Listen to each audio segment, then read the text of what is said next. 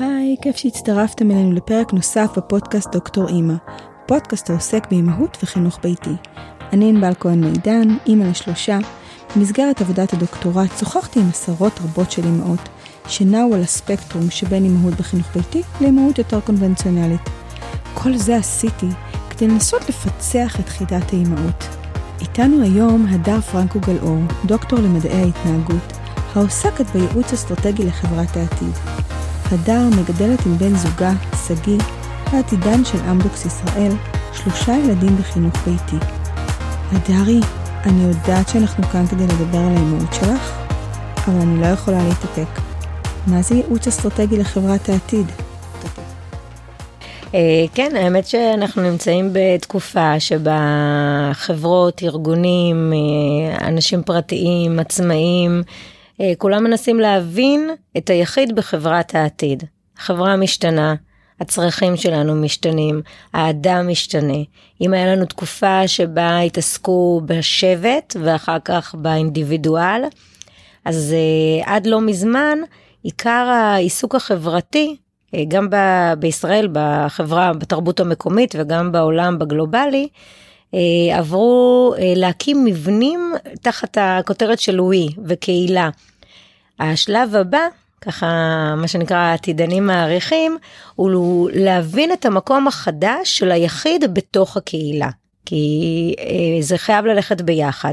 וזה באמת התחום שאני עוסקת בו כבר אה, למעלה מ-20 שנה, כי מדעי ההתנהגות, מדעי החברה, זה מסלולים משולבים שמתמקדים גם בפסיכולוגיה, בפרט, ביחיד, וגם בסוציולוגיה, במיקרו, בחברה. ולי יש את היכולת להביט קדימה ולזהות את התהליכים שאנחנו צריכים לעשות בזמן שאנחנו בונים מבנים חדשים לחברת העתיד. וזה תהליכים שחברות מבינות את זה, אנחנו רואים את זה בעולם הפרסום ובעולם החינוך.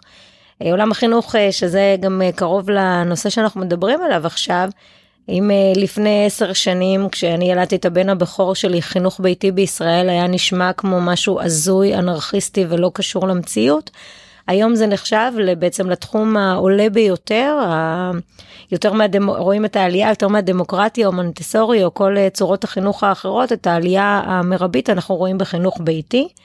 אה, העובדה שלומדים את זה בתואר ראשון ושני במכללות לחינוך כאלטרנטיבה חינוכית מקובלת בישראל.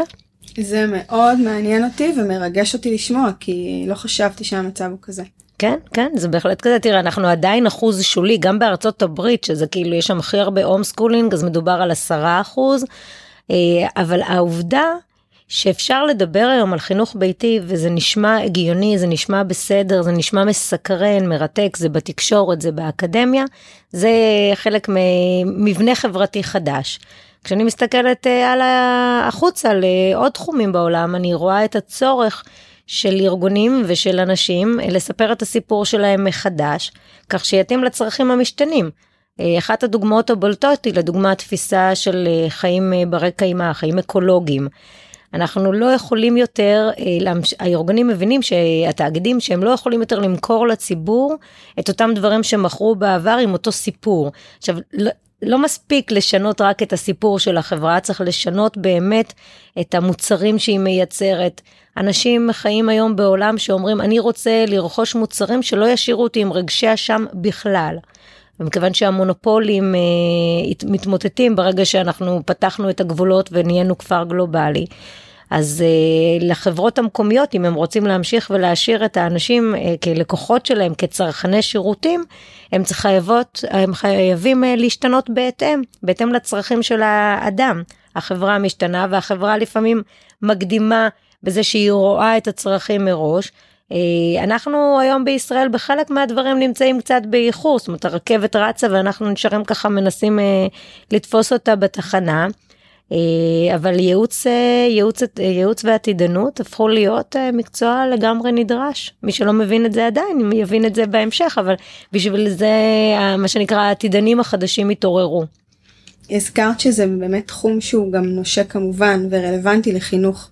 יש איזה שהם גופים חינוכיים שאת מלווה או שאת רואה איזשהו שינוי משמעותי? בהחלט. אז בואי, תספרי לנו. Uh, השנה אני מתחילה ללוות, זאת אומרת התחלתי כבר, uh, כי אנחנו כבר בספטמבר, uh, מרכז uh, מחקר בית ספרי של uh, מורים שגם יעשו את זה אחר כך בהמשך גם עם שילוב תלמידים באחד מבתי הספר uh, בחיפה. Uh, מגיעות חברות וגם סטארט-אפים לפני שהם יוצאים לדרך הם מבקשים לעשות מחקר אקדמי מחקר אה, עומק שמאפשר להם להבין מה קיים מה קיים בשוק מה עבד בעבר מה כבר לא עובד אה, אז אני נמצאת שם כיועצת ומלווה אה, אני נמצאת בקבוצה של אה, מומחים במרכז, במשרד פרסום, במה שנקרא ברנאב, אנשים שמגיעים מעולמות תוכן שונים ומנסים לפצח בריפים של חברות פרסומיות בפן הפרסומי. ושוב אני אומרת זה לא רק ברמה של איך לספר את הסיפור זה כבר שלב שמה שנקרא חדשנות של העבר אנחנו בשלב של שינויי עומק. בתי ספר רשויות מקומיות אה, כמעט כל אחד בא ושואל בואו תנו לנו את התפיסה החינוכית של העתיד כשצריך להבין כשאנחנו מדברים על אה, עתידנות ולא מדובר פה רק על אה, חדשנות טכנולוגית זאת אומרת הרבה בתי ספר או רשויות מקומיות אומרות בואו נכניס מהר כל מיני מיזמים טכנולוגיים והנה אנחנו מכשירים את הילדים על העתיד זה ממש לא זה. הדרך, ואת זה אני רואה בבית, בחינוך של הילדים שלי, הדרך היא כל הזמן היא שילוב. היא לקבל את הטכנולוגיה, אבל אה, להבין שהטכנולוגיה באמת משנה לנו את החיים, אבל יש לנו גם את היכולת להסתכל עליה, להסתכל איך היא שינתה בעבר, להתכונן מראש להכין את עצמנו, ולשמר את הדברים שחשובים לנו מבחינת מורשת, מסורת, ערכים ואדמה. כי עם כל הטכנולוגיה והבינה המלאכותית אי אפשר להחליף את האדם, ואנחנו לא רוצים להגיע למצב שבו האדם יוחלף. ולכן חדשנות אמיתית בעיניי בבתי ספר היא להבין שהטכנולוגיה יכולה לשרת אותנו בשביל להשיג את הידע יותר בקלות, כי הידע כבר לא נמצא רק אצל המורה או אצל זקן השבט, הוא נמצא בעיקר בעידן שאנחנו נמצאים, הוא ניכר דווקא אצל הצעירים שבאים ללמד אותנו. ולהשקיע, ואני, זה מה שאני גם מייעצת הרבה, להשקיע את עיקר החדשנות בטכניקות חדשות לספר את החומר, אה, גם ברמה של נושאים משותפים, גם ברמה של אה, מלאכות, אה, מלאכות בעיניי זה מלאכות קודש. עוד מעט אנשים, הילדים לא ידעו בכלל לכתוב, אז כתיבה וציור ולרקום ולהרוג ולעבוד בגינה ולהכיר את התהליכים. כשאנחנו עובדים בגינה אנחנו רואים תהליכי עומק. מתי צריך לזרוע, מתי צריך לשתול, איזה טיפול כל צמח צריך לקבל, איך אפשר להשריש, איך אפשר אה, לעשות חיבורים, איזה צמח צריך להיות אחד ליד השני, יש שם למידה וחשיבה שעוזרת לילד וגם לאדם המבוגר לצאת אחר כך לעולם תוך שהוא מבין תהליך ארוך, ואז הוא נעזר בטכנולוגיה כדי ליישם אותו. זאת חדשנות בעיניי, השילוב בין המסורת, בין העבר, בין מה ששירת אותנו טוב ומשרת אותנו טוב, לבין אה, השירותים החדשים שנוצרו. אוקיי, okay. כל מה שאת מדברת עליו הוא באמת נשמע כמו משהו מאוד עתידני ומשהו מאוד חדשני. Um, אני חושבת שהוא לא מאוד נוגע לרוב, uh, לזרם המרכזי החינוכי בארץ, אלא באמת זה משהו ככה חדש ופורץ דרך. Um, הבחירה שלכם להיות עם הילדים בבית שייכת לאיזושהי תפיסה עתידנית? אני חושבת שהיום הבכור שלי בן 10, חגג ביולי 10. אז יש לי קצת את חוכמת הבדיעבד, זאת אומרת אני יכולה להסתכל אחורה כבר יש לי איזושהי אה, סך שנים אה, ומחשבות. אז אני תמיד אומרת שאנחנו לא בחרנו בחינוך ביתי אלא פשוט אה, זרמנו עם החינוך המשפחתי זה עבד לנו נכון כי עוד הרבה לפני שהיו לנו ילדים שגיא הבין שבהייטק, אם הוא יעבוד אה, שישה ימים בשבוע, זה לא בשבילו, הוא צריך לפתח את עצמו בכמה רבדים.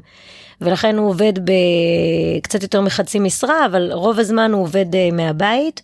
ואז הוא הקים עמותה עם אחיו לקידום חינוך לסובלנות, והוא אה, עומד בראש של הרבה מיזמים, הקים את אה, מרחב עמית לחדשנות משפחתית, שזה ילדים שיוצאים מבית ספר אה, פעם בשבוע ומגיעים עם מורה ועוברים תהליך אה, בימי חמישי מהבוקר עד הצהריים, תהליך משפחתי מלכד. והוא השקיע את כל כולו בלמידה של תחומים רבים ודווקא הוא שלא נמצא שם שישה ימים מצא את עצמו בתפקיד זאת אומרת מקבל הגדרת תפקיד חדשה הוא היה בחדשנות כל הזמן ועכשיו הוא העתידן. אה, דווקא בגלל שהוא היה יכול לראות את, את כל הרבדים בו זמנית. ואני אותו דבר, עבדתי תמיד מחוברת בין עם ארגונים ובין כעצמאית והיה לי המון זמן בבית, עבדתי הרבה מהבית, הילדים היו קטנים, זה היה נראה לנו טבעי להמשיך ככה. היום שאני מסתכלת על זה אחורה אחרי שלושה ילדים, הבכור שלי מאובחן עם צליאק, האמצעית עם אלרגיה לבוטנים מסכנת חיים והשלישית אה, תודה לאל אה, לא לא לא, לא, לא קיבלה שום אה, איחוד וצרכים מיוחדים בנושא הזה. אבל אני מסתכלת על זה ואני מסתכלת על הקשיים של הילדים עם צרכים ייחודיים בתוך המערכת ואני אומרת איזה מזל שבחרתי ככה שאני לא צריכה את כל המאבקים האלה. אז זה, זה הדרך שמתאימה לי. כשאני מסתכלת על, כשבתקופות של קייטנות אני קמה מוקדם להכין את מערך הסנדוויצ'ים מה שנקרא. אה, ולזרז אותם שאני לא צריכה לזרז אותם מזרזים אותי הם כל כך רוצים ללכת להזדרז כדי להכין אותם לצאת מהבית אני אומרת איזה מזל שזה לא כל בוקר כי למרות שלמדתי עם השנים לקום מאוד מוקדם אני השעון שלי מצלצל בחמש ולאהוב את שעות הבוקר אבל זה לא הדרך שלי אני לא יכולה להיות בפקקים אני לא יכולה לשבת תשע עד חמש במשרד ואני לא יכולה לגדל את הילדים שלי בצורה הזאת כי זה פשוט לא הדרך שלנו. אז אה, יש בזה חדשנות אולי אפילו קצת אה, עתידנות וגם אה, יש בזה בעיקר סימן חיובי לנו שהלכנו בדרך לא נודעת יצאנו למסע כמו הרבה הורים כל אחד בוחר את המסע שלו אנחנו בחרנו מסע שהוא קצת שונה ולא היה לנו הרבה מודלים לחיקוי ואני חושבת שבינתיים אנחנו צולחים אותו בהצלחה. וואו למרות שיש לי איזה מושג כזה מה זה להיות עם הילדים בבית אבל אני תופסת שדווקא בזמן האחרון שאני בקשר עם הרבה אנשים שלא עושים את זה, יש כל הזמן שאלות שמחזירות אותי אחורה. מחזירות אותי לשאול, כמו שאת אומרת, החוכמה בדיעבד, אז אני כל פעם חוזרת לנקודות של ההתחלה, להבין מתי הייתה הבחירה, מתי הבנת, אני, אני שואלת עכשיו אותך, זה שאלות שמפנים אליי ומעוררות בי המון uh, שיח פנימי, ואני מנסה רגע להפנות את זה אלייך. אפילו קצת רגע לחזור ממש אחורה ולנסות להיזכר בשנים הראשונות, האם היה איזה רגע שהבנת שזה שם, האם זה משהו שהיא תיארת שזה התגלגל, אבל אם את יכולה לחזור ממש להתחלה ולתאר איך זה להיות עם ילדים צעירים בבית 24/7, שחלק מהזמן שגיא לא נמצא, נכון? זה בסוף, אם תוכלי גם לדבר על החלוקה ביניכם, זה יעזור ככה גם למאזינים להבין כל מיני פלטפורמות של חינוך ביתי וגם דרך הייחודית שלכם. אבל תנסי ככה לחזיר, לחזור בזמן. אני חושבת שכשמרקו, הילדים שלי קוראים מרקו, סימון וצ'ארלי, אה, כשמרקו היה בן אה, שנה, אה, נכנסתי להיריון עם, כבר הייתי בהיריון עם סימון, כל הזמן שאלו אותי למה אני לא מחפשת גן.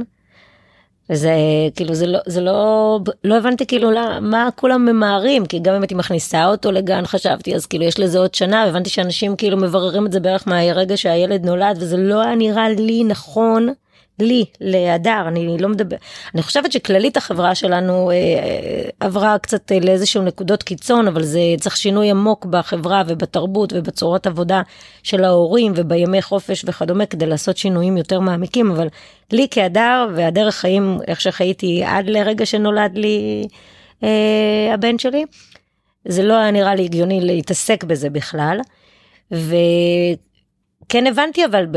אני זוכרת שהוא היה בן שנה שאמרו לי הוא צריך חברה הוא צריך חברים היה לנו אז אנחנו גרים אה, ליד חמותי ועם המשפחה המורחבת אה, מהצד של שגיא. והיו מלא שכנים עם ילדים באותו גיל אז עד גיל עד שמרקו היה בן 6 היו המון ילדים בכפר ויטקין שהיו בבית זאת אומרת זה לא זה במרחב הגיאוגרפי המיידי היה לנו כל הזמן חברים. אה, אחר כך כשסימון נולדה התחלתי ללכת איתם לכל מיני קבוצות וחוגי בוקר עם הורים אחרים. ופתאום הבנתי שמה שאנחנו עושים זה בעצם נכנס לקטגוריה של החינוך ביתי למרות שילדים בישראל לא מוגדרים חינוך ביתי עד כיתה א', לא, גם עם חוק חינוך חובה מגיל שלוש. ילד עד כיתה א' לא מעניין אף אחד איפה הוא נמצא לטוב ולרע, אם הוא בגן פרטי, אם הוא בבית או אם הוא בגן ציבורי. אה, אבל היום אנחנו כן מבינים שבעצם חינוך ביתי זה מי שמשאיר את הילדים שלו גם אפילו עד גיל 3 עד 4, מה שהם מחפשים בבוקר הם מחפשים מפגשים של חינוך ביתי וככה גם אנחנו היינו. והיינו הולכים הרבה למפגשים והשבוע שלי היה מלא. הייתי יום אחד היה לנו מפגש היינו נפגשים וככה כל פעם משפחה אחרת הייתה מביאה איזה נושא שמעניין אותה ומעשירה את האחרים. יום אחד היה לנו חוג מוזיקה לקטנטנים. לכל מקום הייתי מגיעה עם הציידניות, היה לי חלום שהם יגדלו קצת, אני לא צריך ציידניות, אבל אז קיבלנו את האלרגיות, אני ממשיכה להסתובב עם ציידניות לכל מקום. אה, וזה היה פשוט uh, כל כך קל ונעים, נכון, היה את הקשיים, כששואלים אותי אם לא היה לי קשה ולא היה אינטנסיבי, כן, היה קשה ואינטנסיבי. לכל הורה קשה ואינטנסיבי, נכון, אצלי זה היה אינטנסיביות של השעות, ואת ה... בעצם את ההקלה הממשית הרגשתי כשעכשיו uh, הקטנה שלי כאילו בגיל של כיתה א', אז בערך לפני שנה שוחררתי מנושא השירותים וקצת אני עוד עוזרת במקלחות אבל ברגע שכל הדברים הפיזיים הטכניים שהם מכינים לעצמם חלק מהאוכל שהם אה, את יכולה להגיד להם כנסו ולסדרו את החדר ואת לא צריכה לסדר כל הפיזיות יורדת ממך אה, כאימא בעיניי זה מרגיש אה, הקלה. היום אני לא מרגישה קושי אני גם אז לא חושבת שיכולתי להגדיר את זה כקשיים ראיתי את זה כאתגרי ההורות שלי. בחמש שש שנים הראשונות אולי אפילו שבע הרגשתי שאני לומדת שפה חדשה אני לומדת את השפה האמהית.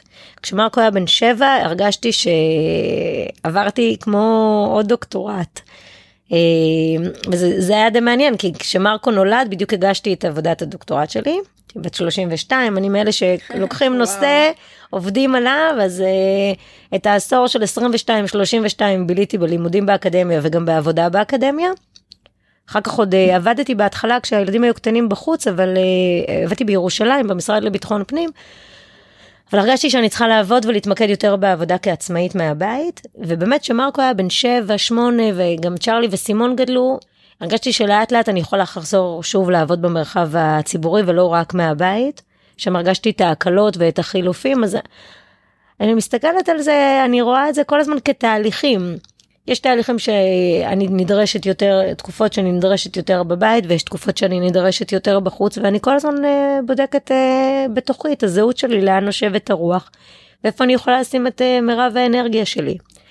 וכמו שאמרת, אז המודל שבנינו בבית הוא מודל, uh, זאת אומרת אפשר לקרוא לו במונחים הסוציולוגיים הורות שוויונית. למרות שאין לנו איזה פנקס, ש... זאת אומרת זה, זה משהו שדרך אגב לומדים אותו לאורך השנים, לוותר על הפנקס, זה לא יכול לעבוד קשה, עם פנקס.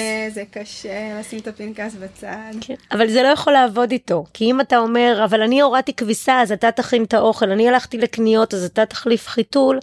זה סתם, זה, זה א', מתבזבזת המון אנרגיה על כל הזמן על ההשוואה הזאתי ועל התסכולים הפנימיים, ו... ההתחשבנות הזאת מביאה אותך להרגיש הרבה פעמים כקורבן במקום כמנהיג של החיים שלך וזה לא מתאים לי ולא מתאים לשגיא ולא מתאים למשפחה שלנו. אבל עם הזמן מצאנו את הדרך, אה, את השילובים הנכונים שכל אחד עושה את מה שהוא אוהב. אז אה, אני טיפוס שאוהב אה, סדר.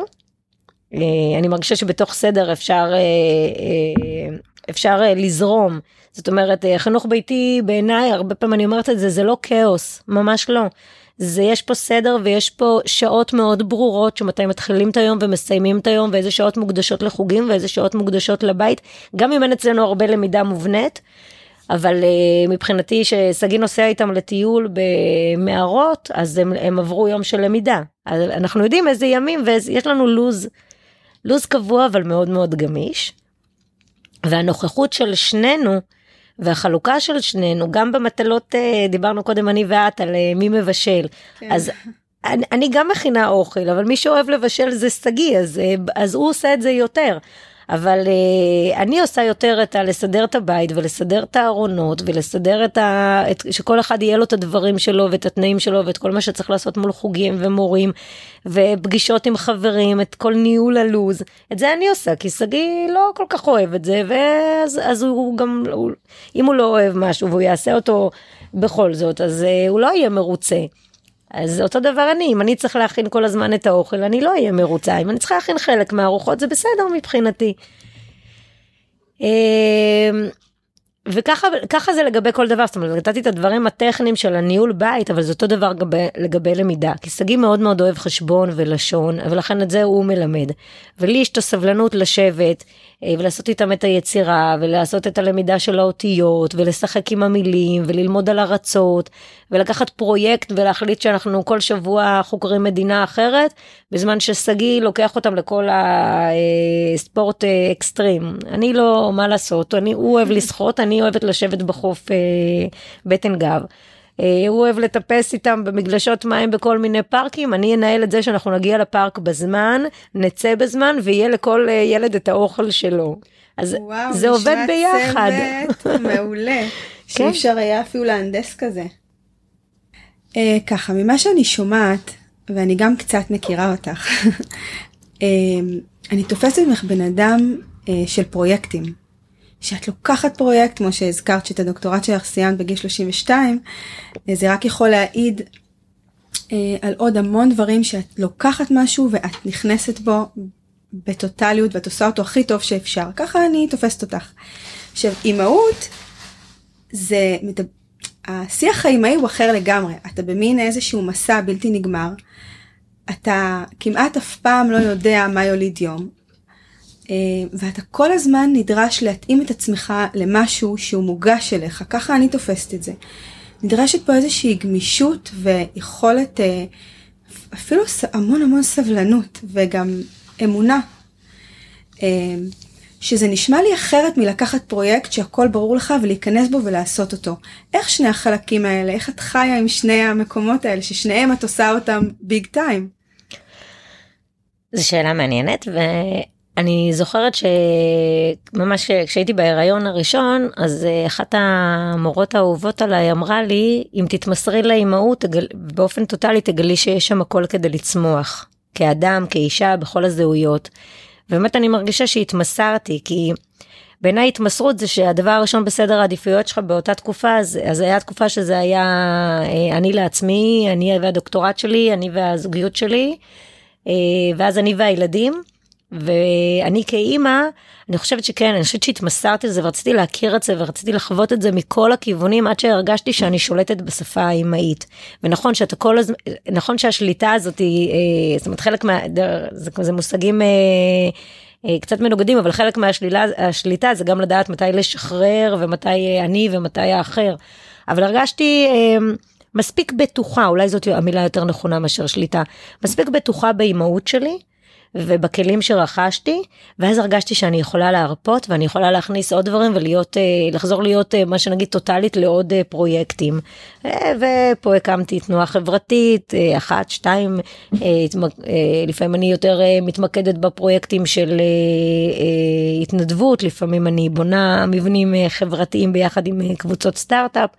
לפעמים אני לוקחת קמפיין פוליטי זאת אומרת כל פעם אני לוקחת פרויקט אחר אבל היום למדתי שכשאני מתמסרת טוטאלית לאיזשהו פרויקט, זה מגיע עם כל החבילה שלי.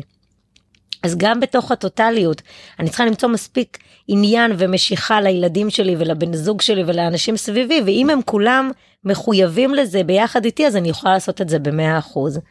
ואני חושבת שאני מצליחה בהרבה דברים אה, להתמסר אליהם עכשיו שוב כי בשלוש שנים האחרונות אולי זה גם קשור פחות או יותר לזמן תקופת אה, סוף ההנקה עם צ'ארלי. כי אם היו שואלים אותי, צ'ארלי הבת הקטנה שלי היום היא עוד חודשיים בת 6 והיא ינקה עד גיל 3 ואני יודעת שזה לחלק מהאנשים נשמע כמו משהו הזוי זה היה נשמע לי ככה בדיוק אותו דבר. לא הבנתי למה ילד שיכול לאכול סטייקים צריך לנוק מאימא שלו.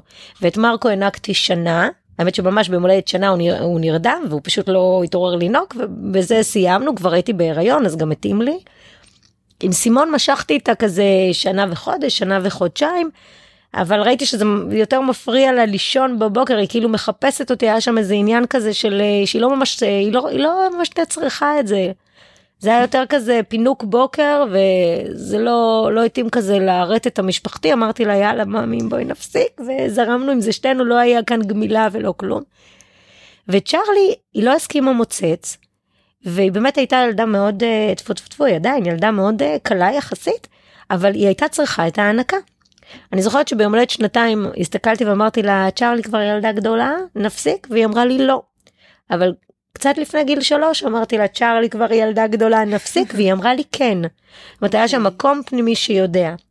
עכשיו הסיפור הסיפור הוא שכשאתה מסתכל על כל ילד אתה יודע מה הוא צריך ואני הייתי מוכנה להתמסר לצורך הזה של צ'ארלי כי זה לא הגביל אותי. היא לא הייתה תינוקת שהיא יונקת ולא אוכלת. זה לא שלא יכלתי לצאת מהבית או להתרחק ממנה, אבל כשהייתי שם היא רצתה אותי. מהרגע שההנקה הסתיימה, הרגשתי שקיבלתי גם את הגוף הפיזי שלי קצת לעצמי. אה, אני עוד רגע, עוד פברואר אני בת 42, אני מניחה שסיימתי עם ההריונות. אה, אבל אחרי אינטנ... אה, כמה שנים מאוד אינטנסיביות של הריון הנקה, הריון הנקה, הריון הנקה, הנקה, הנקה, אז פתאום הייתי אני לעצמי, ופה הרגשתי שכאילו שאני משתחררת, שהרגשתי ממש את הנקודה הזאת שבה ההתמסרות הטוטלית היא מתחילה קצת להתפוגג ואני שלמה במקומי, אני אימא. כמו שלפני זה ההתמסרות של הדוקטורט היא נגמרת ברגע שאתה מגיש אותו, מסיים את התיקונים ואתה מרגיש, אני דוקטור, את מכירה את זה עכשיו כן. גם? אה, מזל טוב לך. תודה. אז כשיש לך את זה אתה יכול לשחרר זהו זה שלך זה, את, את דוקטור עכשיו לכל החיים אף אחד לא ייקח לך את זה ענבל ואף אחד לא ייקח את זה ממני אז אותו דבר עם האימהות. היה איזה רגע לפני שלוש שנים שבו הרגשתי שזהו אני באמת אימא אני אימא לשלושה ילדים בחינוך ביתי אני אנחנו מתכננים להישאר ככה עוד זמן מה וטוב לי.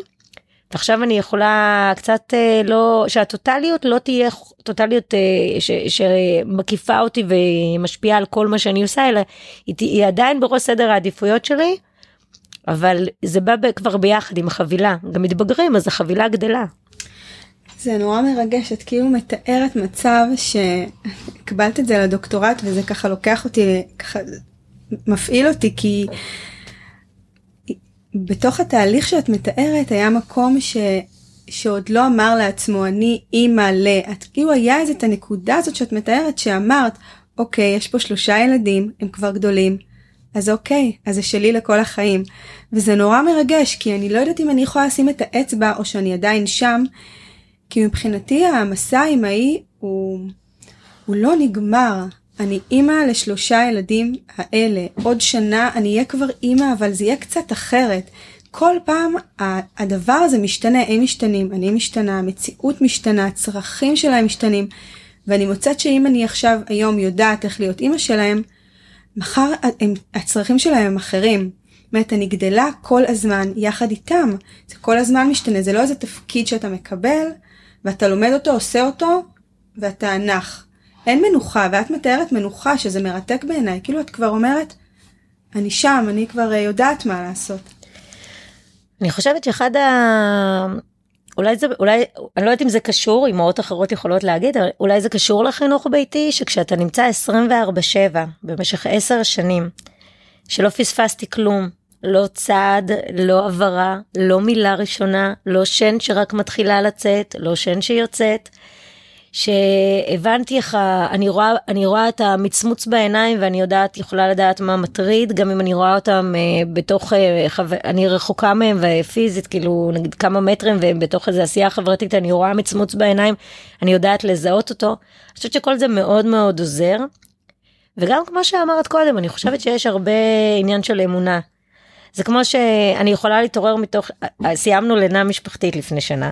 לפני שנה, ישנו ביחד. זהו, דרי, אתם כן. על הגל, אין הנקה, אין כן, כן, יש לנו חדר, יש לנו חדר, ויש לי ארון בגדים משלי, ומיטה, אני ושגיא, שזה שלבים. פנסיה. זה ממש פנסיה. זה שלבים שהם קרו פשוט באופן טבעי, כי הם רצו כבר, הם ממש, הם רצו כל אחד מיטה שלו ואת הפינה שלו ואת הדברים שלו, וסידרנו את הבית מחדש, ואני הייתי מאוד מוכנה. ממש לפני שנה, אוקטובר, אה, ספטמבר, אוקטובר, חזרנו מחופשה לפני שנה. ובחופשה ישנו בשני חדרים זה, זה פעם ראשונה שבעצם היינו במלון בשני חדרים ככה חדר משפחה תמיד היינו בחדר אחד ישנים על מזרונים ושהם יהיו קרובים והכל. ופתאום ישן, הם ישנו בחדר אחר והם נרדמו ממש סבבה זה היה הכל טוב. אז בדרך חזרה אמרתי להם שנראה לי שמגיעים הביתה אמא עושה שינוי גדול שוב הם מכירים את המושג שינוי גדול זה שאני אני כל כמה חודשים אני הופכת את כל הבית. אמרתי לך אני אוהבת סדר ואני בית קטן ואני צריכה לזכור איפה הדברים של חמישה אנשים אז אני כל כמה חודשים פשוט מוציאה הכל מהארונות מנקה מחזירה מחדש וזוכרת איפה הדברים נמצאים. זה תהליך פנימי וחיצוני כל הזמן אני מרגישה שהוא קורה באופן עכשיו לפני ראש השנה עשיתי את זה אני ממש אני נכנסת לראש השנה עם בית אה, מבריק. יואו, את עושה לי חשק לרוקן עכשיו את כל הארון. לרוקן לרוקן לרוקן צריך כל הזמן לרוקן גם זה מה שלמדתי באימהות גם לרוקן כל מיני רגשות אני לא מסתובבת עם רגשי אשם אין לי מה לעשות עשיתי זה קרה אני חייבת לעבור הלאה ללמוד מזה לימדתי אני מלמד גם את הילדים שלי. קרה לכם עצוב לכם בואו נדבר על זה בואו נהיה עם זה אבל אל תהיו קורבן אל, אל תכנסו לדרמה בואו נבין מה אנחנו לומדים את זה ונשחרר עם זה הלאה. אמ, אז, אז כן אז צריך הרבה אמונה אז עכשיו כמו שאמרתי אנחנו לא ישנים באותו חדר ועדיין אמנם זה חדרים צמודים לא התרחקתי הרבה אבל עדיין מתוך שינה מאוד מאוד עמוקה כמו שהם אה, ישנו ישנו תמיד טוב אצלי ילדים כי ברגע שילד היה רגע זז במיטה הייתי כאילו מלטפת אותו ואומרת אמא פה הכל בסדר והיו חוזרים לישון. אני מאוד ממליצה על עינה משפחתית אני לא הסתובבתי אפילו לילה אחד עם ילד בוכה בידיים שמתעורר באמצע הלילה זה לא קרה לי שלושה ילדים ישנו פצצות.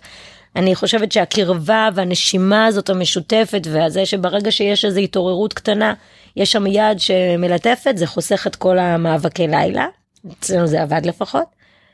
אבל גם עכשיו מהחדר השני אני אפילו מתוך חלום אה, עמוק או שינה מאוד עמוקה אני אשמע אותם אני שומעת אותם אני עונה להם אני, אני שומעת לפעמים אנחנו מדברים מתוך אה, חלום אה, מעבר לקיר. אז אני חושבת שזה זה חלק מהאמונה ש, שאני מרגישה אותה וגם שגיא אנחנו מרגישים אותה מאוד מאוד חזק. זה חלק מזה זה הרבה אני חושבת שזה קשור לזמן הפיזי ביחד שאתה מבלה כל כך הרבה שעות אפשר להשוות את זה לזוגיות זוגות שנמצאים המון ביחד הם מרגישים אחד את השני זה כמו תאומים כאילו שחווים ומהדהדים אחד את השני אז ככה גם אנחנו יש לנו כל כך הרבה שעות ביחד שאני פשוט מרגישה ש... אה, אני מאמינה בזה ואני מרגישה את זה ואני רואה על זה כל הזמן את הרגעי קסם וניסים אה, ביום יום. זה, זה לא שיצאתי לפנסיה מהם באמת אבל אני פשוט אה, יותר שקטה ושלווה במקום האימהי שלי עם כל האתגרים החדשים שהוא הולך להביא. אני מרגישה שהתמודדתי עם כל כך הרבה אתגרים כאילו. חכי חמודה הגילה עם מאתגר כולם אומרים ככה הוא עוד לפנינו. כן את, בהחלט אבל כשיש לך אה, ילדה עם אה, אלרגיה מסכנת חיים ואתה צריך אה, ללמוד לחיות עם הפחד הזה בכל מקום ועדיין לשחרר אותה שתלך לבד למקומות ותתמודד לבד עם החיים ולהכין אותה וגם. למנוע ממנה כל מיני חששות פסיכולוגיים למיניהם וגם מעצמך. זו התמודדות uh, כל כך מורכבת שאני מרגישה שאם היום אני ככה יותר uh, שקטה ושלמה שם, טפו טפו טפו שתשמר לי ותהיה בריאה תמיד, אז uh, נראה לי שאתגרים אחרים uh, אנחנו נוכל להם. כן, אמן. באמת זה ככה משתמע, באמת עברתם כל מיני דברים כל כך מאתגרים. אמ, אני לא יודעת איך זה אצלכם, אבל אצלנו הם שלושה, והם כל כך שונים אחד מהשני. הם כמו שלושה ילדים שהם פשוט עולמות שונים, כמעט נראה לי המכנה המשותף היחיד שהם גדלו באותו בית ויצאו מאותו רחם. הם באמת אנשים, האינדיבידואל שלהם הוא כל כך כל כך שונה. אני חושבת שאחד האתגרים שאני מתמודדת איתם כל הזמן זה, זה איך אני מדייקת לכל אחד את המציאות שיותר מתאימה לו. זה מתחיל מהדברים הכי קטנים, יש פה אחת שזקוקה לחברים כל הזמן, יש פה אחד שהוא הרבה יותר סוליסט. בכל דבר, בכל תחום אני רואה את זה, שכל הזמן ההתאמות האלה מול כל אחד. אני מנסה לחשוב כשבעצם אתם חיים באיזה שהם חיים משפחתיים אה, שלובים, איך כל אחד מהם, גם איך הוא בא לידי ביטוי, ואיך את כאימא מצליחה לענות לצרכים המשתנים, אני מניחה, של כל אחד מהם. אני אחזיר אותך לתחילת השיחה שאמרתי לך שאחד האתגרים החדש, החדשים שנוצרו לנו היום בחברה ולגבי העתיד, זה איך כל אחד מוצא את, עצ... איך היחיד מוצא את עצמו בתוך הווי. בתוך הביחד. ממש מעבדה אצלכם בבית. ממש מעבדה, כי uh, החיים היום יש חזרה מאוד הרי לשבט ולקולקטיב ואנשים מחפשים כל הזמן את הקבוצות שייכות שלהם אבל עדיין למצוא את האני ואת המיוחד שבי. אז אחד הדברים שאמרתי השבוע לשגיא וגם אה, לג'ני המורה המדהימה שלנו לקפוארה. זה שעכשיו הילדים שלי מתחילים סוסים ואיזה כיף ששלושתם רוצים סוסים כי שלושתם בקפוארה ושלושתם רוקדים באותו בית ספר לריקוד ושלושתם אוהבים את הסוסים נכון שבתוך זה אחד אוהב את ה break dance ואחת אוהבת את הבלט וההיפ-הופ ואחת יותר מתחברת לפלמנקו אבל הם אוהבים את, ה, את הרעיון הזה שהם נמצאים באותו מרחב אה, לימוד. וכולם אוהבים את הקפוארה אבל רק אחד רוצה לאקרובטיקה. וזה כאילו נשמע דברים אה, קטנים אבל זה בדיוק הדברים של הייחוד. מייחדים כל אחד מהם. שמייחדים כל אחד. וגם דרך אגב הם יכולים ללכת כולם לקפוארה ולא להיות טובים באותם רמות כאילו לא רק בהתאם לגיל אלא אחד יותר טוב במשהו אחד ואחד יותר טוב במשהו אחר. אבל יש להם איזה אהבה כזאת ש... ולי גם עכשיו נגיד אה, בזמן שאנחנו יושבות פה. הם נמצאים אצל זוג חברים שלנו שהחליט שהוא מאמץ אותם ברמה המוזיקלית כבר הוציאו כמה קליפים והם אוהבים והם מנגנים ושרים.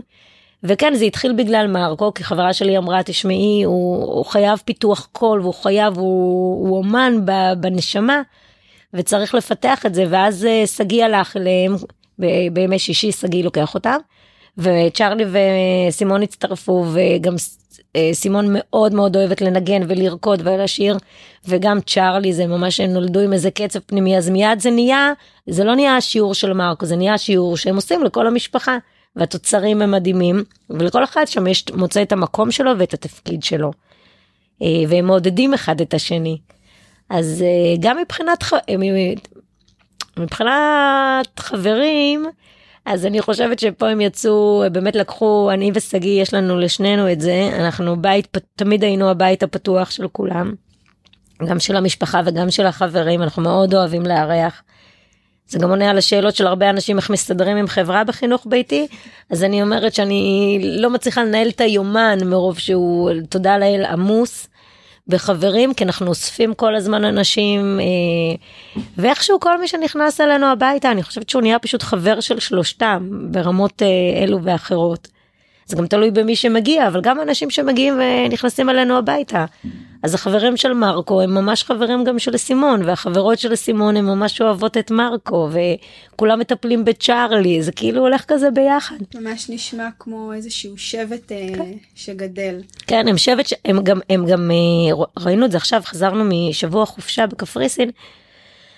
והם היו כל כך uh, מלוכדים ופתאום גם ראינו את ה... יש להם גם כמה שהם כאילו מלוכד, מלוכדים כקבוצה יש להם יחסים נגיד לסימון ולמרקו שההפרש ביניהם הוא שנה ושמונה והם ממש ככה גדלו כמו תאומים תחשבי בלי בית ספר בלי כלום את כל החוגים את כל החברה ביחד. יש להם מערכת יחסים משלהם ולסימון שהיא באמצע יש גם מערכת יחסים מאוד מאוד מיוחדת עם צ'ארלי. ובין צ'ארלי ומרקו יש כזה אה, מלמעלה עוד סוג של אה, אה, מערך שכי הם מאוד מאוד דומים ממש הם כאילו מאוד דומים זה מראה אחד של השני. וגם שלושתם אצלי נראים אחד לשני גם דומים פיזית. נכון. זה לפעמים כמו איזה כדור אחד שמתגלגל שמח ומאושר. אני מסתכלת עליהם וכל פעם כשכל כל עוד אני רואה אותם מחייכים ומאושרים ורגועים ומלאים בביטחון עצמי. זה אני מבינה את היתרונות של החינוך הביתי ושל הרבה שעות ביחד. יש כאלה שמאמינים שכל ילד צריך להיות בחדר משלו ואולי באמת אם הבית היה יותר גדול אז היינו נותנים להם חללים נפרדים. יש לי הרגשה שהם היו רצים כזה לחלל המשותף. אה, הם אוהבים להיות ביחד וזה כיף לנו כהורים לראות את זה. אני שומעת שאת גם מסתובבת בכל מיני מרחבים. אה, איך מגיבים אליכם? הרי כמו שנכון שאמרת שהחינוך הביתי בצמיחה וגדילה, אני מסכימה, אני גם מכירה מאוד את המספרים ואת האחוזים, והוא באמת בצמיחה וגדילה, עדיין חינוך ביתי הוא אחוז מאוד מאוד קטן, ועדיין זה משהו שהוא לא, הוא רחוק מאוד מהנורמה, הוא רחוק מאוד מהזרם המרכזי. איך מגיבים אליכם? אתם הרי גם מסתובבים כשבט, אתם ביחד הרבה פעמים, נכון? כן. אז, אז איזה תגובות אתם מקבלים? כשמרקו היה, אני חושבת, בן ארבע, אני ושגיא כתבנו פעם ראשונה טור משות... אה, מאמר משותף שהתפרסם.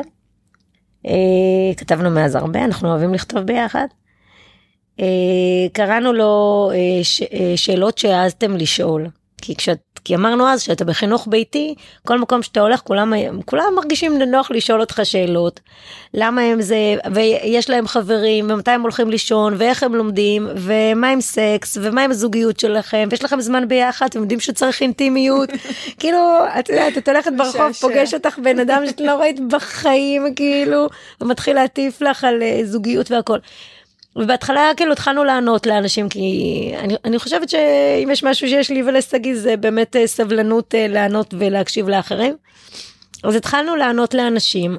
ואז אמרנו בואו פשוט נכתוב את זה וככה יהיה לנו וענינו באמת על הפן החברתי ועל הפן הזוגי. ואת מסתובבת בתיקים פליירים וכל כן. מי ששואלת שולפת לו. נראה, כנסו לפייסבוק תחפשו אה, וזה בדיוק פורסם. אבל מאז כתב, האמת היא שמאז אה, בשש שנים האחרונות אז אה, גם אה, בגלל שהתקשורת גילתה המון עניין בנושא של חינוך ביתי. ובנושא של אימהות ואבהות, אחד הדברים שכל הזמן מדברים על להיות אימא בחינוך ביתי, לא מדברים מספיק על להיות אבא בחינוך זה ביתי. זה נושא מרתק מאוד בפני עצמו. כן, זה בכלל, אני חושבת שכל האבהות עוברת תהליך כל כך עמוק של שינוי. והגברים פשוט רוצים להיות הרבה יותר מעורבים ומי שעושה את זה מבין כמה הוא מרוויח.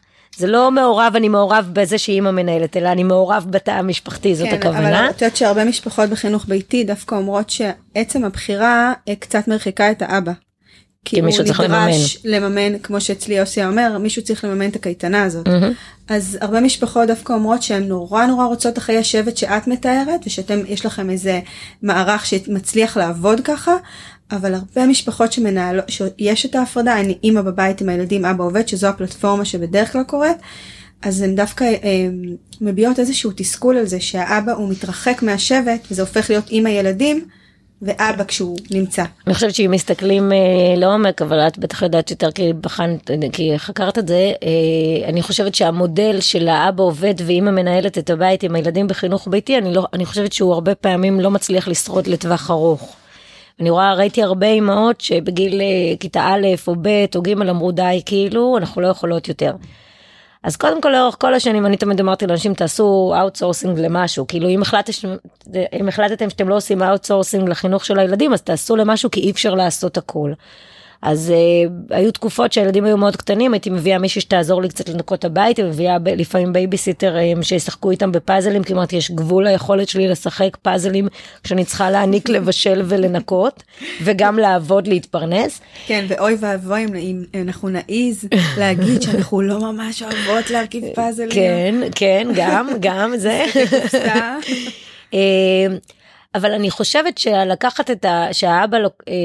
קודם כל כל הכבוד לאבות שמחליטים לעשות את זה. זה, זה בחירה לא קלה להגיד אני מתמסר. לפרנסה ו... כי אני יודע שהילדים שלי צריכים לגדול בבית ואין דרך אחרת. אבל רוב... מחקרים, הרבה גברים לא מרגישים שיש להם ברירה. אוקיי, אבל אני חושבת שאם מסתכלים, זה נכון, אבל גם נוסף, שאם מסתכלים על משפחות החינוך ביתי, הרבה מהם, הם, ההורים עובדים במקצוע, מה שנקרא מקצועות חופשיים. נכון. אז נכון שבהייטק זה די נדיר הקומבינה הזאת ששגיא קיבל, אבל הוא נושא אותה כבר המון אה, שנים, וכמו שאמרנו, תמיד היה חדשן ולא סתם הוא עתידן היום. אה, אבל הוא גם מתמסר להמון, הוא מאוד מחויב לעבודה, הוא יעבוד בלילה, הוא, הוא לא יוותר על להיות עם ילדים עוד שעה ועוד שעתיים, לעשות איתם עוד משחק או עוד ארוחה או עוד להיות איתנו, אבל הוא, הוא, זה עולה לו בשעות שינה. זאת אומרת, אתה, איפשהו אתה מקריב, אתה מקריב זה משהו. זה עוגה אחת שממנה הכל כן. נלקח. ואני, אה, אני פשוט גם מאוד אוהבת לעבוד. אני עכשיו נגיד שאני אה, אני כל הזמן מחפשת עשייה חדשה ותפקידים חדשים וגם אין מה לעשות צריך לפרנס איך שאתה אומר צריך לפרנס את הקייטנה הזאתי. ואני לא רוצה אני לא אני חושבת שאם הכל ייפול על שגיא אני חושבת שהוא פשוט יהיה כל כך מותש ולא טוב לו אז, אז זה לא יעבוד. זה חייב לעבוד באיזון. כל משפחה עושה את הבדק בית שמתאים לה. אני גם כטיפוס חייבת להיות באיזושהי עשייה, אני אוהבת לעבוד, אני אוהבת גם להרוויח כסף, ואני מחפשת את הדרכים היצירתיות לעשות את זה, גם אם זה אומר שבתקופות מסוימות בחיים, עכשיו אני נהנית לקום בבוקר, אבל גם כשלא, השעון הטבעי שלי הוא בכל זאת תשע, אבל גם אחרי ש... גם בתקופות שהייתי מתחילה לעבוד אה, בעשר, אז הייתי עובדת אחר כך עד מאוחר בלילה, זאת אומרת הייתי משלימה את זה, ובתקופות של פרויקטים אז הייתי מוותרת על אהבת השינה שלי, ואמרתי לאנשים אין מה לעשות, אה, מעריכים יותר מדי את נושא השינה. אם יש עכשיו פרויקט, אם לקחתי על עצמי תפקיד, אם יש משהו שאני רוצה לעשות, אז אני אקום מוקדם ואעבוד לפני שכולם קמים, ואמשיך לעבוד עד שכולם ישנים. אה, וככה גם שגיא, אז זה מתנהל טוב. צריך, צריך למצוא את הדרך, כל משפחה צריכה למצוא את הדרך שעושה לה את זה, שמובילה לאושר למשפחה, אבל אני חושבת שצריך לשים לב שלא דבר אחד נופל על הורה אחד, זאת אומרת תפקיד אחד על הורה אחד, כי לאורך זמן יש שם התשה. שחיקה. שחיקה. כן. בתקופות שאחד מאיתנו עובד על איזה פרויקט והשני כל הזמן אה, אה, צריך לדאוג רק לבית ולא יכול לעשות שום דבר ש, שמרחיב אותו ומעשיר אותו, אפשר לראות את השחיקה והשחיקה הזאת פוגעת דבר ראשון כאילו קודם כל בעצמנו כמובן אבל בילדים כי אין לך סבלנות אם אתה עושה משהו בלי סבלנות עדיף שלא תעשה אותו כי ילדים מרגישים את זה אה, והם לא הם לא אוהבים את זה. הם מוכנים לקבל הורה עסוק הם לא רוצים מורה שמגיע אליהם ועושה דברים אה, רק בשביל, כאילו, כי אני חייב לעשות איתך את זה עכשיו, אני אעשה. הם מכבדים את זה שאני אגיד להם, לדוגמה, היום אני מאוד עמוסה, הראש שלי מלא במחשבות, אין לי טיפת סבלנות בגוף, היום תסתדרו לבד. אפילו אני אפלק אתכם בעוד שעה בטלפון ומחר נשחק הם יקבלו את זה באהבה.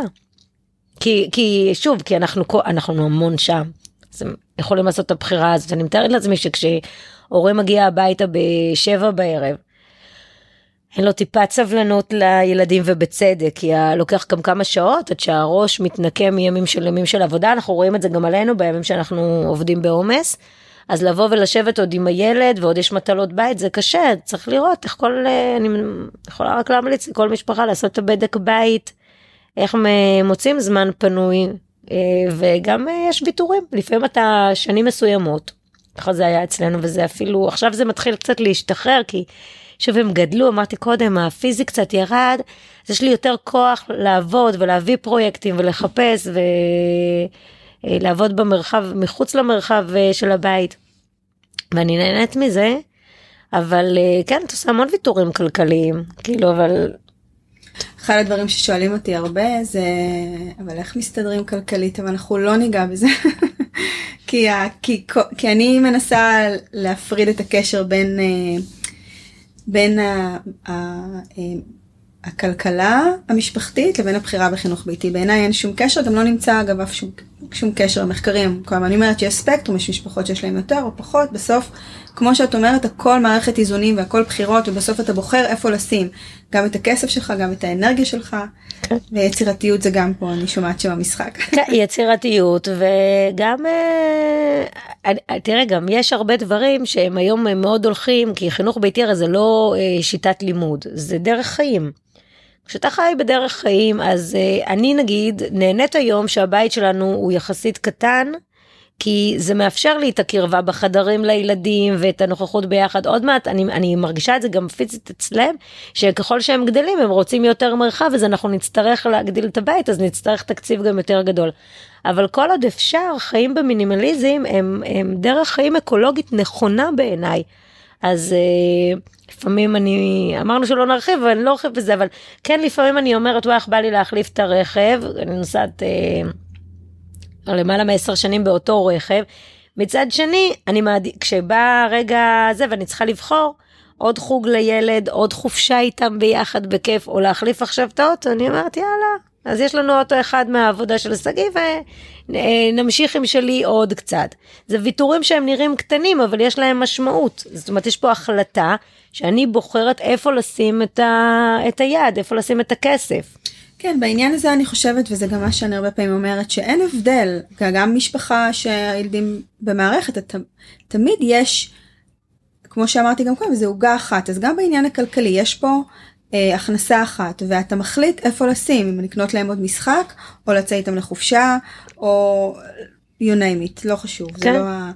אה, מקודם שאלתי איך מגיבים אליכם, אז אה, משם המשכנו לכל מיני מקומות, נכון. אבל אני חושבת שלא לא קיבלתי תשובות. אה, אז אז באמת כשבהתחלה כולם שאלו את כל השאלות שזה והוצאנו ואז התחילו היה אצלנו רצף של צילומים בבית. הוא ממשיך הרצף הזה הוא כל הזמן מגיע. אז גם גם סטודנטים שהגיעו לעשות סרטים היה איזה שלושה סרטים שעשו סטודנטים על בחירה בדרך חיים אחרת ועל חינוך אחר. מעניין מהחינוך הדתי והחילוני גם וגם הגיעו היו לנו סטודנטיות מהחינוך הדתי מאוד מתעניינים בזה. וגם uh, בכל מיני תוכניות שכאילו לא קשורות לחינוך אבל כן קשורות נגיד תוכנית שהייתה החלטה על הייתה שם אימא שמנסה לבחור uh, בין קריירה למשפחה אז היא התחילה את המסע שלה אצלי בבית אז. ושיפצו מושיק שיפץ לנו את הבית לפני שלוש שנים וכל מיני תוכניות של חדשות ובכל נסעו אחרינו לצפון לאיזה חופשה לצלם כתבה על חלומות כי אני מרצה גם בנושא חלומות. ובכל מקום הנושא הזה של חינוך ביתי הוא כל הזמן עליו, אנחנו גם כל הזמן מצטלמים ביחד. אז uh, אני חושבת שאישית לנו זה כאילו הקל, כי ראו את זה, שמעו את זה, מקבלים את זה, והמון באים להתייעץ איתנו, ואנחנו uh, מייעצים בכיף לכל מי שמתלבט על חינוך ביתי, או כל מי שמתלבט אם להישאר במערכת, לצאת למערכת, או שיש קשיים. אנחנו בכיף אה, מארחים משפחות, רוב המשפחות שמגיעות הן לא יוצאות לחינוך ביתי, אבל הם עושים שינויים מאוד משמעותיים בחיים שלהם. אה, כי אני, אני, אז אני מרגישה שאם כל כך הרבה באים להתייעץ איתנו ובאים לצלם אצלנו ובאים לדבר איתנו, אז כנראה שאנחנו פחות אה, נראים לאחרים הזויים ושונים, וזה משמח אותי. אוקיי, okay, שזה בסך הכל תגובות חיוביות כן. ומתעניינות. כן. אז כן. איזה כיף שזאת מנת חלקכם. כן. עדיין אני יכולה להגיד לך שגם הקרובים לנו ביותר במשפחה, שמבינים שטוב לנו ורואים את הילדים, לפעמים לא יכולים להתאפק מלהגיד אם היא הייתה בגן, היא הייתה הכוכבת. פורחת. היא הייתה פורחת. פורחת. היא הייתה הילדה הכי, אני אומרת להם, אבל תראו איזה יופי, היא לא בגן, והיא עדיין פורחת, והיא עדיין אהובה ועדיין מאושרת, ואיזה יופי זה. וואו, זה שיש לכם עוד סבלנות גם לשמוע את ה... זה משעשע באיזשהו שלב. כן. נכון? כן. זה צריך, לי, אני חושבת שזה המלצה לכל הורה בחינוך ביתי. אה, קודם כל להבין שמי ששואל אותך את כל השאלות האלה, גם אם הוא מעביר עליך ביקורת, הוא מדבר מתוך העולם שלו, מתוך הרבה פעמים מתוך אי הידע וגם מתוך התגוננות. ולא באים לתקוף, זה אחד הדברים החשובים שהבנו, אנשים לא באים לתקוף אותנו, הם רוצים לשמוע אותנו, הם רוצים להבין את הדרך האחרת. אה, וגם אה, וגם מי שכאילו מעביר על זה ביקורת או לא אוהב את זה, זה גם בסדר, גם אני לא אוהבת מה שהם עושים, בגלל זה לא בחרתי בזה. אני לא באה לספר להם את זה, אבל אני כן באה, ל... אם הם שואלים אותי, אני כן אומרת להם איך הם יכולים לעשות את מה שהם עושים, עם קצת טיפים מהחיים שלי. ותמיד טוב שיש, אנחנו כמו איזה מעבדת חדשנות אה, הכי מפותחת לבתי הספר, אנחנו מזמינים כל הזמן, מרצים כל הזמן מתקשרים אליי מכל מיני אוניברסיטאות ומכללות. וסטודנטים מגיעים, ואני אפילו אספר לך סיפור כזה. יושב אה, חבר בלימודי תואר שני, ומקבל uh, בכיתה כרטיס. וכל קבוצה קיבלה שם כרטיס והוא מקבל, uh, הוא במקרה מכיר אותנו, חבר שלנו, מקבל כרטיס, פסקה מתוך טור של שגיא והדר גלאור על חינוך ביתי, שפורסם באחד העיתונים. אז הוא מצלם לי את זה, ואז הוא כותב, ותוך כדי שאני מצלם לך בהתלהבות, אז אה, חלק מהקבוצה מתחילים לצעוק, אנחנו מכירים אותם, היינו אצלהם בסיור בקורס אחר. זאת אומרת, הם, אה, הסטודנטים שמרצה אחר הביא אותם לסיור אצלנו בבית. ואז אתה מבין כמה זה הופך להיות נפוץ וכמה זה נעים להם, גם זה, הם כל כך שמחו שהם הכירו והם ידעו על מה מדובר בשיעור ויכלו להביא את הרשמים מהמשפחה שלהם ולנו זה גם מראה, כן, המסר שלנו עובר הלאה. סטודנט אחד מוצא את זה בעיתון ומביא את זה לדיון בכיתה והשני מספר שהוא היה אצלנו בבית וזה מקבוצות לימוד אחרות באותה מכללה וזה נחמד. זה מרתק שזה מתחיל אה, ככה לתפוס אה, יותר לגיטימיות בשיח. אה, מה שממש לא היה פעם. אני יכולה להגיד שאני לא מזמן עזבתי את האקדמיה ועד אז כל הזמן היה שיח סביב חינוך ביתי והמון המון פרדיגמות אה, שגויות ו, והמון אה, המון לא, אני חושבת שפשוט לא, מכיר, לא מכירים את זה מספיק ולא יודעים את זה מספיק ואז זה באמת מצטרף לדברים שאתה חושב שאתה יודע וחושב שאתה מכיר ויש המון סטיגמות. אבל אני מאוד מאוד שמחה לשמוע איך זה מאוד מרגיע אותי שיש איזשהו, שמשהו נפרם שם, שמשהו, איזושהי, איזושהי הבנה אחרת מחלחלת, זה מאוד מרגיע שזה שם, אני חושבת שזה מאוד מתבקש. אמרת שמתייעצים איתך הרבה, אז כשפונה אלייך אימא עם תינוק צעיר, מה את אומרת לה? אני קודם כל, אה, אין לי תשובה אחת לכל האימהות עם התינוק הצעיר. אני שומעת מה, מה האימא שואלת, וכבר למדתי לזהות מה פחות או יותר הייתה רוצה שאני אגיד לה. אז אם, אם זה אימא שהולכת להכניס את התינוק ל, אה, למעון או למשפחתון או למטפלת בגיל שלושה חודשים והיא באה לדבר איתי והיא יודעת מה הדעה שלי, אני לא יכולה להסתיר את דעתי לגמרי, אני... היא נמצאת לידך כל הזמן, כן, הדעה שלך כאילו, מסתובבת. הדעה שלי מסתובבת לידי, אבל אני כן אגיד לה שאם היא עושה את זה, שתעשה את זה בהחלטה שלמה, שתבדוק את עצמה אם זאת ההחלטה הנכונה לה, למשפחה, אם, אם זאת הדרך שהיא רוצה. ושתמצא את הדרכים האחרות להשלים uh, את החסר, uh, את הזמן עם, ה... לדוגמה, לא, גם אם זה לא בגיל שלושה חודשים, גם אם זה בגיל שנה. כשאימהות מספרות לי שהן אה, עומדות מחוץ לגן בוכות, אז אה, אני אומרת להם תעשו את ההחלטה, או, ש, או שאתם מוציאות את הילד ומביאות אותו הביתה ועושות בחירה שלמה, או שאתן מפסיקות לעמוד שם ולבכות. כי אתם מלמדות את עצמכם ואת הילד מערכת יחסים, אתם נכנסים לתוך איזה מערכת יחסים שאתם בחיים לא תצאו ממנה. מערכת יחסים של קורבנות, את, את עומדת שם כאימא ואת קורבן. את קורבן למציאות שמכריחה אותך לקחת את הילד, לשים אותו שם. אותו דבר לגבי אלה שבגיל מתקדם יותר, צועקים על הדתה במערכת החינוך. אז נכון, יש היום הרבה שיח של הדתה והכלנה, אבל אם כל כך לא טוב לך, ה... אז תוציאי את הילד משם.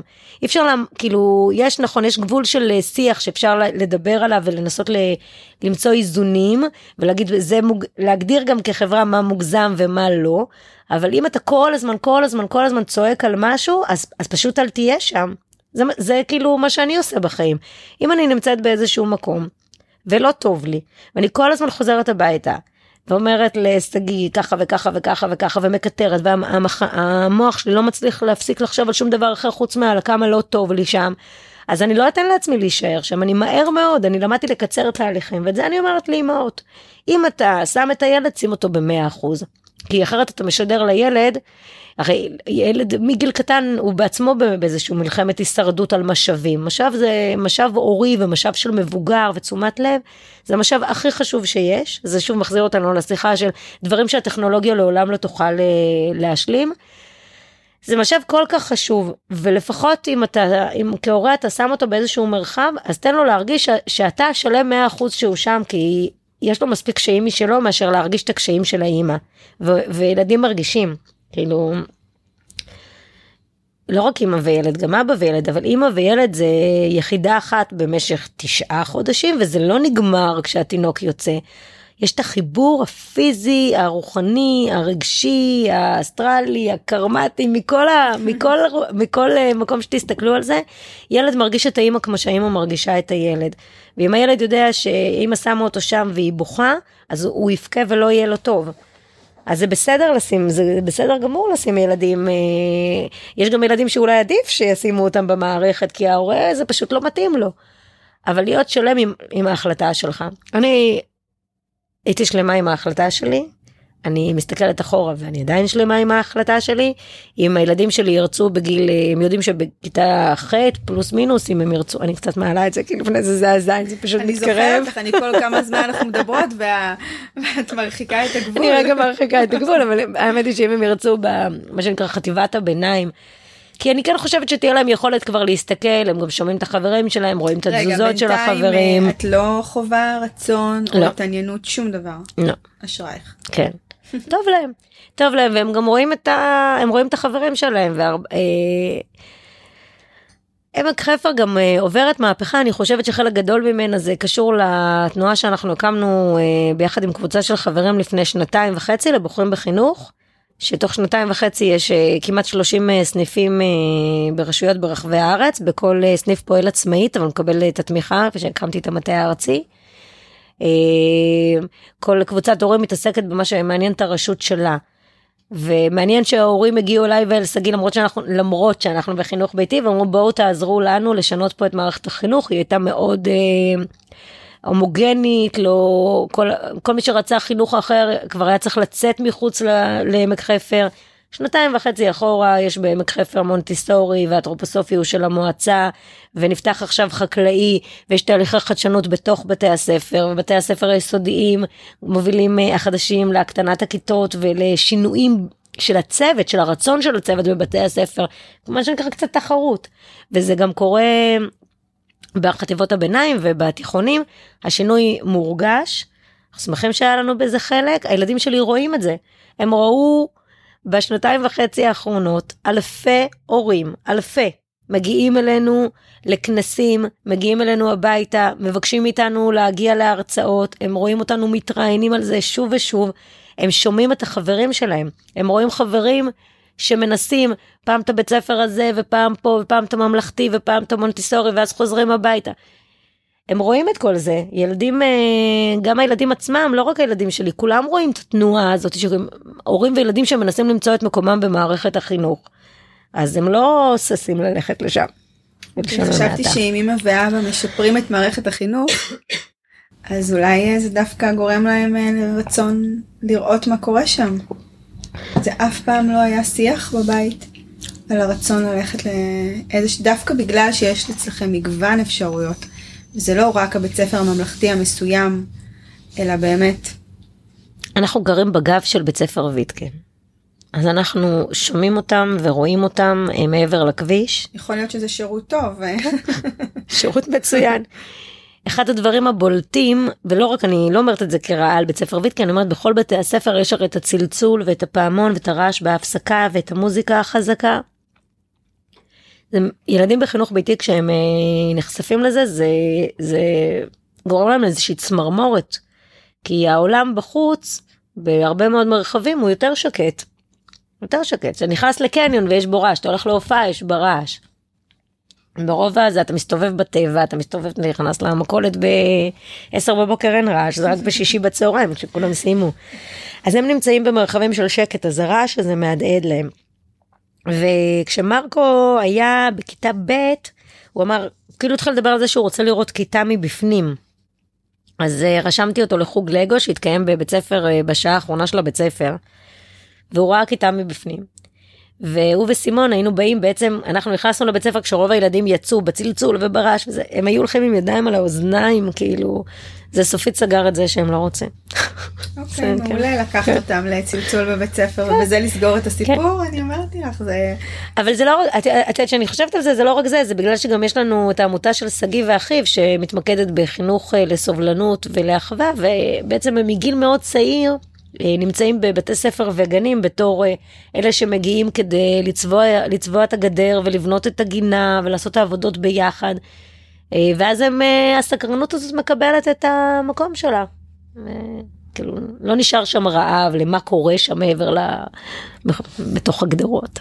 את יכולה לספר על מקומות שהיה לך אה, יותר קושי במסע האימהי שלך? אה, קושי. אתגר, נו, בסדר. לא, זה, זה, זה באמת, אה, כאילו, אני... שואל, שואלים אותי לפעמים, זה כמו ששואלים אותי מה החסרונות של חינוך ביתי, אז אמרתי להם, תשמעו, כאילו, הם כל הזמן אוכלים. כאילו, אני כל הזמן צריכה, כל הזמן צריך אוכל. זה שלוש ארוחות גדולות, פלוס נשנושים, כאילו, אתה כל היום צריך להאכיל. אז יש כמה שנים שאתה, כמו שאמרתי, אמרתי את זה גם קודם, זה הטכני, אתה רץ בין השירותים למטבח, כאילו, אתה על הקו. אתה אף פעם לא לבד באף אחד מהמקומות האלה, זה קושי. אה, אני לא חושבת שאני יכולה להגיד שיש לי קושי שנבע מזה שאנחנו בחינוך ביתי. לא. היה, היה תקופות אה, מאתגרות פיזית, אה, בכל זאת שלושה ילדים קטנים, אחד הולך, אחד רץ, אחד יונק, הכל בבת אחת. אה, אני אולי מרגישה, את יודעת, אני חושבת שאולי עכשיו, השנה האחרונה שעברתי, היא השנה שנה מאתגרת, אבל היא לא מאתגרת אותי מול הילדים, היא מאתגרת אותי מול עצמי, כי כמו שאמרתי קודם, הם גדלו ואני מחפשת את עצמי להמציא מחדש, אני כל הזמן ממציאה את עצמי מחדש. אה, אז אה, אני, אני לא רוצה משרה מלאה, לא קשור לזה שאני אימא בחינוך ביתי. אה, אני יכולה לעבוד, זאת אומרת כל עבודה שלקחתי בסוף מבחינת שעות היא הרבה יותר ממשרה. אבל גם לפני זה לא יכלתי לשבת במשרד מהבוקר עד הערב חמישה ימים בשבוע, אני לא מחפשת סוג כזה של משרה, אבל זה כן יותר אה, קשה ויותר מאתגר שיש לך שלושה ילדים מאשר כשהייתי רווקה ולא אהבתי את זה ורציתי לבנות לעצמי את הפורמט עבודה. אז אני עכשיו מרגישה, אני שואלת את עצמי, כאילו אמרו לי לאורך השנים, את יודעת, את מוציאה את עצמך ממעגל העבודה, זה חשש של הרבה אימהות להישאר בבית, אבל אני לא הרגשתי שנשארתי בבית. הרגשתי שהתפתחתי בבית, התפתחתי אחרת. כן, נכון שסימון הייתה בת שנה, ויתרתי על אה, אה, מכרז אה, שהיה לכמה שנים טובות קדימה, והייתי יועצת ללשכת המדען הראשי במשרד לביטחון פנים, ויש לזה שם ככה מאוד מפוצץ והכל טוב. ואני מניחה שאם הייתי ממשיכה את זה והייתי ממשיכה עם כל מיני טייטלים מאוד גבוהים, אז אולי היום היה לנו גם קצת יותר כסף וגם יותר קל אה, על המסלול. יכול להיות, יכול להיות שלא. אמ, עשיתי את הוויתור הזה של לוותר על משרה רשמית, לצאת לחיים של אה, עצמאית. כשלפני זה אהבתי עצמאית שכירה, עצמאית שכירה, אהבתי את ה... זה, אבל לקחתי כמה שנים של יותר עצמאית כדי להיות באמת אדון לזמן שלי. אה, אבל לא הפסקתי לעבוד ולא הפסקתי לחקור, והייתי מעורבת בלמעלה מאלף מחקרים בעשור האחרון. אה, וליוויתי חוקרים וליוויתי ארגונים והקמתי תנועות ועשיתי חלק מהדברים אה, בתקופות שנגיד הרגשתי שאני לא מסוגלת לקחת עוד עבודה עליי אז לקחתי עוד התנדבויות הייתי כל הזמן בפיתוח כל הזמן עם אנשים. אני מאמינה שעשיתי את הדרך שלי ושהדרך שלי תמשיך ככה זה לא שוויתרתי אלא עשיתי דברים אחרים. אבל אה, זה מאתגר עם קושי אפילו קצת. יש שני דברים שככה עלו לי תוך כדי שדיברת. האחד הוא שהרבה אמהות אה, שאתה מדבר איתן, אמהות שהן כבר אה, מרחיקות לכת בחינוך ביתי עם ילדים גדולים, אומרות שאחד הדברים שהשאיר אותן שפויות, זה שהיה להם תמיד משהו שהוא היה שייך רק להן, שהם לא ויתרו על זה. אחת צילמה, ואחת סרגה, ואחת... אה, כל אחת מצאה משהו, אחת יצאה ליוגה פעם בשבוע, כל אחת עם המינונים שהתאימו לה, אבל כולן חזרו ואמרו, בלי הדבר הזה, שאני משמרת על איזשהו אינדיבידואל שלי, לא משנה שיש כאלה שיגידו שהוא מצומצם ביותר, בלי זה אי אפשר היה, ואני שומעת ממך, אני פשוט מעוררת השראה, כי מבחינתך יש מין תחושה ש... שבאמת הלכת על הכל, לא ויתרת כמעט על כלום. אה, למרות שאת מתארת ויתורים, בדרך אני מאמינה גם שלא יכול להיות שאין, כמו, כמו שאנחנו מזכירות כל הזמן, זו אותה עוגה. אבל יש לי תחושה שהמודל שאת מעניקה לילדים שלך זה שאני עושה מה שאני אוהבת ואני לא מוותרת על כלום, ובאיזשהו אופן הכל מסתדר. כן, קודם כל תודה. אבל כן, אני חושבת כי, כי, כי מה שאני עושה הם, הם שותפים. אני רואה בהם שותפים לדרך. אם אני, ואת יודעת, לפעמים אני אומרת, אה, אה, שואלים אותי מה לא היה פתאום קשה לילדים כשהתחלת לעבוד יותר בחוץ אני אומרת להם לא הם זה שמחו. לפעמים זה כיף שאמא קצת הולכת ומתגעגעים אליה. את יודעת איך הם מתחננים שאני ואבא נצא כדי שנביא את הבייביסיטריות שהם אוהבים ממש לא ראיתי ילדים שמתחננים ככה. בבקשה תצאו ותביאו לנו בייביסיטר או לישון אצל סבא וסבתא כי עשינו את הכל מאוד מאוד מדויק בתזמונים להם ולנו. אה, אני מסכימה עם זה אני חושבת זה גם עצה שנתתי להרבה אמהות. תמיד להמשיך לעשות משהו שאתם אוהבות וראיתי הרבה אמהות שבשנים היותר אינטנסיביות אז הם אה, שמר, שמרו לעצמם משהו כתחביב ואז כשהילדים גדלו הם הפכו את זה למקור הכנסה ופרנסה וגדלו עם זה וזה היה מדהים לראות את זה. אה, עדיין אני באמת אה, אני יכולה להגיד לך שאפילו הצלחתי להפתיע את הילדים שלי השבוע אתמול. שגיא לקח אותם היה יום כיף בעבודה שהם אה, פעם בשנה, שבוע... וואו, אתם אה, נהנים מהימי אמדוקס גם? כן, בטח. אז אה, היה... יום, יש כזה שבוע חדשנות באמדוקס, תמיד יש הופעה ושגיא לוקח אותם. והיה לי יום לגמרי לבד, עד איזה חמש אחר הצהריים, המון שעות לבד בבית. ו... ניצלתי את הזמן לדברים שאני אוהבת, לנקות, לסדר, כל ה... זה, ופשוט ישבתי, הסתכלתי רגע, אמרתי, אוקיי, אז יש משהו שלא עשיתי ממש הרבה זמן.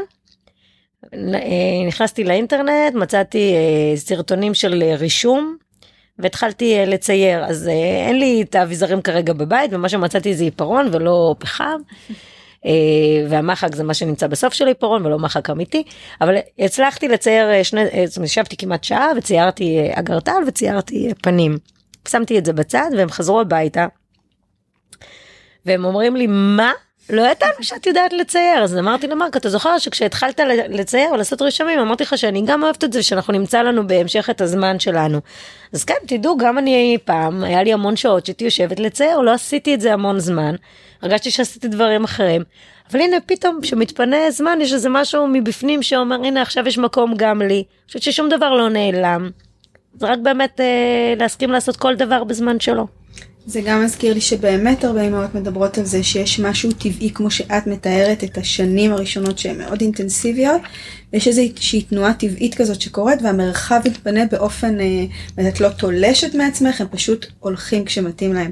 זו תנועה שהיא מאוד מדוברת בחינוך הביתי והיא אותי תמיד מרגשת, נראה לי מדויק. ועוד דבר שעלה לי תוך כדי שדיברת, אמרתי שהיו לי שני דברים. שזו שאלה שגם אה, מאוד מאוד מעסיקה גם אמהות מתוך חינוך ביתי ובאמת גם קצת מסביב. אה, זה בעצם חיי זוגיות. איך אתה משמר על חיים זוגיים לא רק מבחינת הזמן של מתי אני אה, יושבת עם בעלי ושותה משהו, אלא מבחינת האנרגיה, כי באמת הרבה זוגות מתארים מצב של איזושהי אינטנסיביות שלא רק שייכת לשנים הראשונות, שבעצם כשהמרחב מלא בילדים, אז, אז מאוד קשה לייצר מתוכו מרחב של מבוגרים. ויש איזושהי קלחת משפחתית שמשהו בזוגיות יכול, לא בהכרח, יכול יותר להישחק שם. אמ, למרות שזוגיות זה גם עניין של זוגות מכל הספקטרום, גם שהילדים במערכת זה לא רק צרה של חינוך ביתי, אבל בהקשר לחינוך ביתי, מכיוון שזה באמת אה, אולי מאתגר אה, יותר, אמ, איך אתם מסתדרים עם זה? עכשיו תגידי, מה זה בכלל זמן זוגי? סתם. לא. אמ, עכשיו אה, בימים האחרונים שזה כזה חשבון נפש של אה, סוף שנה ושנה חדשה אני מאוד אוהבת לעשות אמרתי לשגיא שאני מרגישה שברמה הזוגית שיחקתי ממש טוב עם הקלפים שהחיים נתנו לי. ושעשיתי את הבחירה באמת הלב שלי מצא את הנשמה את החצי השני שלי ולא רק במילים אלא באמת אה, אני באמת מרגישה את זה ביום יום. אנחנו מאוד דומים ומאוד שונים. יש לנו יכולת להיות המון שעות ביחד. שנינו גם אוהבים את המרחב הביתי וגם בחוץ. אנחנו מוצאים את האיזון בין אה, שעות ש... זה הולך כאילו יש את השעות שהוא עובד, יש את השעות שאני עובדת, יש את השעות שהוא מבלה ויש את השעות שאני מבלה, יש את השעות שהוא עם הילדים ואני עם הילדים ויש את השעות שכולנו ביחד ואנחנו הרבה ביחד. ואם היינו יכולים עשינו עוד ביחד. חזרנו עכשיו ממש לפני כמה ימים מחופשה בקפריסין שבוע ויכלנו פשוט להמשיך ככה עוד ועוד ולהמשיך את המסע הזה ואני אה, מרגישה שאנחנו מעשירים אחד את השני ואנחנו משתפים אחד את השני ואנחנו מת... אנחנו ממש אה, אנחנו הולכים כזה אחד ליד השני. זה מעין אה, מסע אישי זוגי.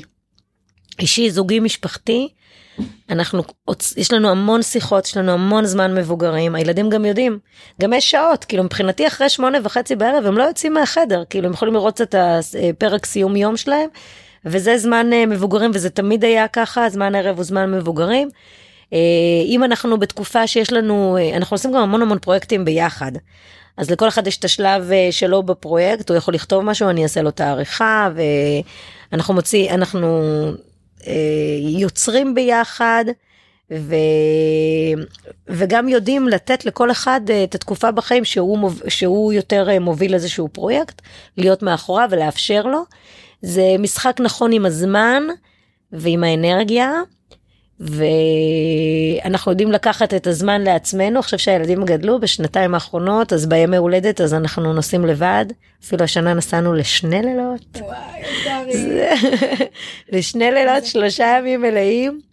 שכאילו זה, זה יש אנשים שיכולים לצחוק אבל זה לא רק בגלל ה, אנחנו זה לא ההורות הטוטלית שלנו זה שוב זה יש גם מגבלות כשיש ילדה עם אלרגיה אתה לא רוצה להתרחק יותר מדי אתה לא רוצה להשאיר אותה כאילו אתה רוצה להיות שם זה, זה משהו מבפנים שמהדהד שאתה לא רוצה ללכת להרבה זמן זה מאוד משפיע ומעצב.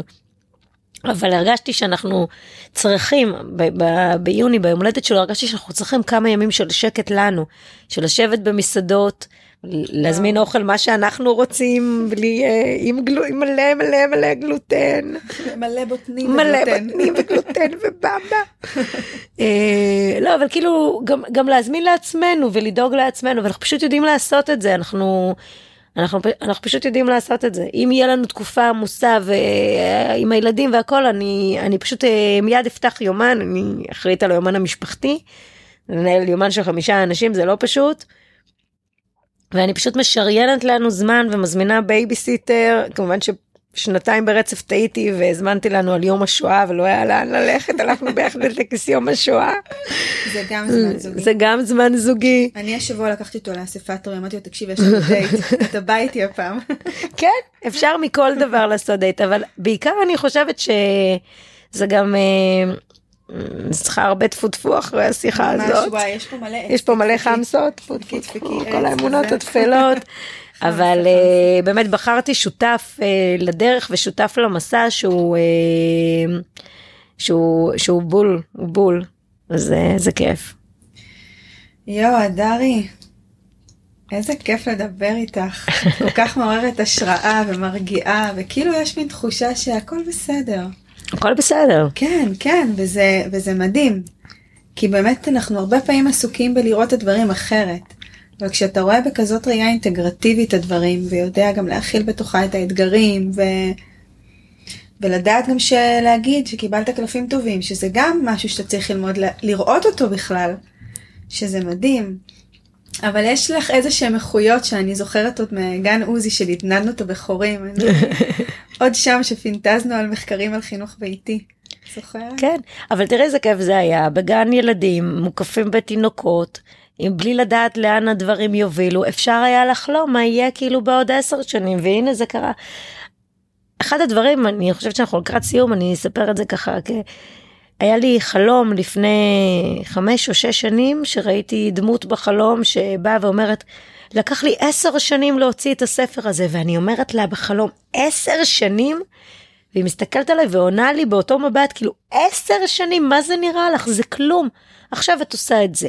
ותעבדי על זה ובעוד עשר שנים זה, זה עובר ככה תעשי את מה שאת עושה ותהיי מאושרת ממש קמתי מהחלום הזה עם הידיעה שאני אם אני אעשה בכל שלב שאני נמצאת בו בחיים את מה שאני עושה מתוך, מתוך עושר פנימי אני, אני אצליח לעשות את הכל בזמני. זה נתן לי רוגע. וואו זה משפט אי אפשר להמשיך אחר כך נראה לי שזה משפט אה, שמאגד את הכל ואי אפשר לקלקל אותו.